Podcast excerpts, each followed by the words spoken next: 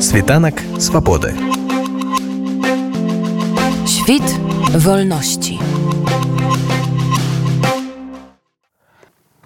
Гаспадар олег уручэнне праваабарончай прэміі адбылося якраз у дзень правоў чалавека.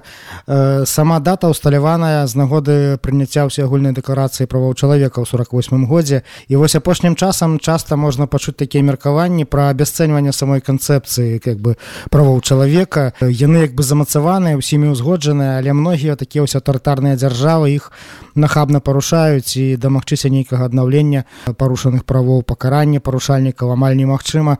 Як бы вы як праваабаронца юрыст ацанілі сённяшні стан сістэмы правоў чалавека ў свеце і яе ўплыў на сітуацыю ў беларусі Ну я пагаджуся з тым што на жаль ўсё больш з'яўляецца людзей якія ігнаруюць правы чалавека і гэта дыктатары таталітарных рэжымаў іх абслуга умоўна кажучы людзей якія яны прызначаюць на дзяржаўныя пасады. Ну па-першае яны не разумеюць канцэпцыі правоў чалавека яны ажыццяўляюць уладныя паўнамоцтвы як ім патрэбна і так як яны асабіста хочуць. І гэта стала на жаль праблемай для тых механізмаў якія былі створаны пасля другой сусветнай войны мы бачым что і механізмы ан і механізмы абсе на сённяшні дзень показваюць сваю неэфектыўнасць. Нават у нашым рэгіёне распачатая агрэсія Росіі супраць Украіны дзе Беларусь з'яўляецца адной з краін выступаючых на баку су агрэсара нават тая прапаганда дзяржаўная якая ўжо ў голас адмаўляе у існаванні такого канцэпта правоў чалавека сведчыць аб тым што дыктатарскія рэжымы выконваць правы грамадзян на той тэрыторыі якую яны кантралююць яны не згодныя. Сапраўды у таких дзяржавах мас масава парушаюцца правы чалавека і на жаль людзі якія гэта робяць застаюцца непакаранымі ў боль абсалютнай большасці выпадкаў. Ну зразумела што ёсць злачынства супраць чалавечнасці ёсць такое паняцце як геноцид і ёсць міжнародны крымінальны суд які як мы бачым ужо выдаў ордеры на арышт Пуціна і Вова белова. Як мінімум вядома пра двух асобаў пра якіх выданы ордеры на арышт за міжнароднае злачынства. Але гэта кропкавыя выпадкі і безумоўна десяткі калі не сотні тысяч беларусаў якія пакутаюць ад штодзённага парушэння правоў чалавека не могуць намагчыся прыцягнення да адказнасці тых хто гэтыя правы парушае. Это безумоўна складанасць і гэта выклік для нас для праваабарончага сектара што рабіць як бараніць правы грамадзян беларусі калі мы самі беларускія праваабаронцы праваабаронцы на сённяшні дзень. З'яўляемся мэтанакіравана дыскрымінуемай групай. І умоўна кажучы і праваабаронцы журналісты адвакаты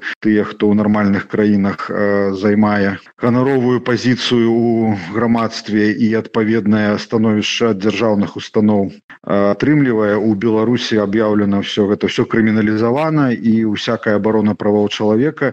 Мы ўжо бачым прысуды напрыклад прысуд леоніду судаленко у 20 першым годзе дзе фактычна за сваю праваабарончую дзейнасць ён быў асуджаны да пазбаўлення волі мы бачым кейсы вясноўцаў дзе шэраг наших калегаў фактычна за праваабарончую дзейнасць буйныя тэрміны пазбаўлення волі атрымалі і вось так дзяржава ставіцца менавіта да абаронцаў і гэта таксама выклік як бараніць правы іншых калі мы самі з'яўляемся ўразлівай групай якую прыцягваюць за сваю дзейнасць так званые улады беларусі вас многія ў беларусі ўжо давно ведаюць як кіраўніка так бы мовіць юрыдычнай службы беларускай асацыяцыі журналістаў і вашаму падраздзяленню яшчэ ў беларусі напэўна ніколі без працы сядзець не даводзілася бо журналістаў рэпрасавалі ну амаль усе гады лукашэнкаўскай улады як бы вы ацанілі цяперашнюю сітуацыю наколькі важная ў ёй ваша дзейнасць крыху змяніўся вектор працы гэта сапраўды адбылося. Ўсё менш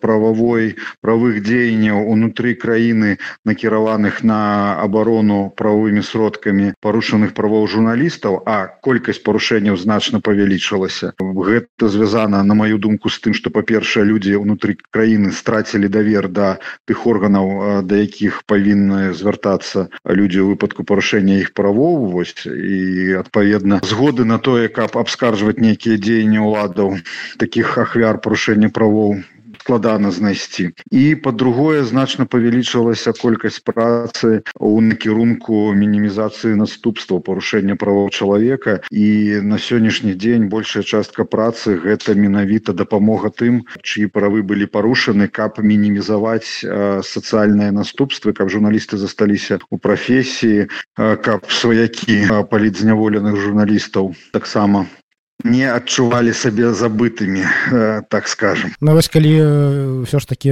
закрануць саму апошнюю цырымонію ўзнагароджання прэміяй праваабарончай як вы асабіста ўспрынялі тое што ў намінацыі праваабаронца года пераможцамі назвалі менавіта вас разам з адвакаткай Натальей Мацкевич асабіста для мяне гэта гонар тому что мы с Натальей шмат гадоў разам працаваць беларускім доме правоў чалавека і я ведаю наколькі гэта сама данная ідэя правоў чалавека адвакат прафесіянал і наколькі прынцыпова яна падыходзіць да гэтых пытанняў. І у грамадскім сектары яна мае адпаведна адпаведны аўтарытэт. І у якасці адваката яна показывала Мачыма з майго боку гледжання самыя высокія вынікі працы і прафесіяналізм яе ён бездакорны. Таму асабіста для мяне гонар побач учора было стаяць з Натальяй і ганаруся тым што журы конкурса яе і маю працу ацэнілі аднолькава Таму што яна у асабістай якасці большую частку рабіла А я ж усё ж таки разам з калегамі з беларускай стацыі журналістаў усё ж таки мы э, калектывам змагаемся за абарону правоў журналістаў. І яшчэ асабісты гонар для мяне што менавіта учора ва ўкраіне таксама адбылася аналагічнае паседжанне. І у іх таксама ёсць на дзень правоў чалавека ёсць традыцыя ўзнагароджвання прэміі. І таксама медыа юры юрыст мой сябра Максим буткевич ён быў ва ўкраіне ўзнагароджаны такой прэміяй. І адпаведна і беларуская і украінская праваабарончая супольнасць прызнала людзей якія займаюцца менавіта абаронай свабоды выказвання свабода інфармацыі барацьбой са служываннем гэтай свабодай. Вось менавіта гэтыя пасады паказваюць актуальнасць. І ў дачыненні да Масіма мой асабісты боль у тым што ён пасля мабілізацыі ваяваў працаваў у складзе ВСУ і трапіў у палон і на сённяшні дзень знаходзіцца ў статусе военно-палонага на расійскім баку так скажем. Ну і для мяне гонар э, таксама ў тым што ў двадцатым годзе моя маці таксама атрымлівала прэмію праваабаронца года. У двадцатым годзе яе прызналі пасмяротна праваабаронцай года два і вось цягам трох год я зноў стаяў на гэтай сцэне і атрымліваў тую самую ўзнагароду якую я тры года таму атрымліваў за маці якой якой к таму часу ўжо не было. Таму гэта вось неяк такія асабістыя мае адчуванні. Па-першае падзяка калегам за то што адзначылі і маю працу і працу тых хто бароніць правы журналістаў бароніць свабоду выказвання. Таму гэта для мяне вельмі кранальна і вельмі вялікі гонар для мяне атрыманне такой узнагароды Світанак свободи. Świt wolności.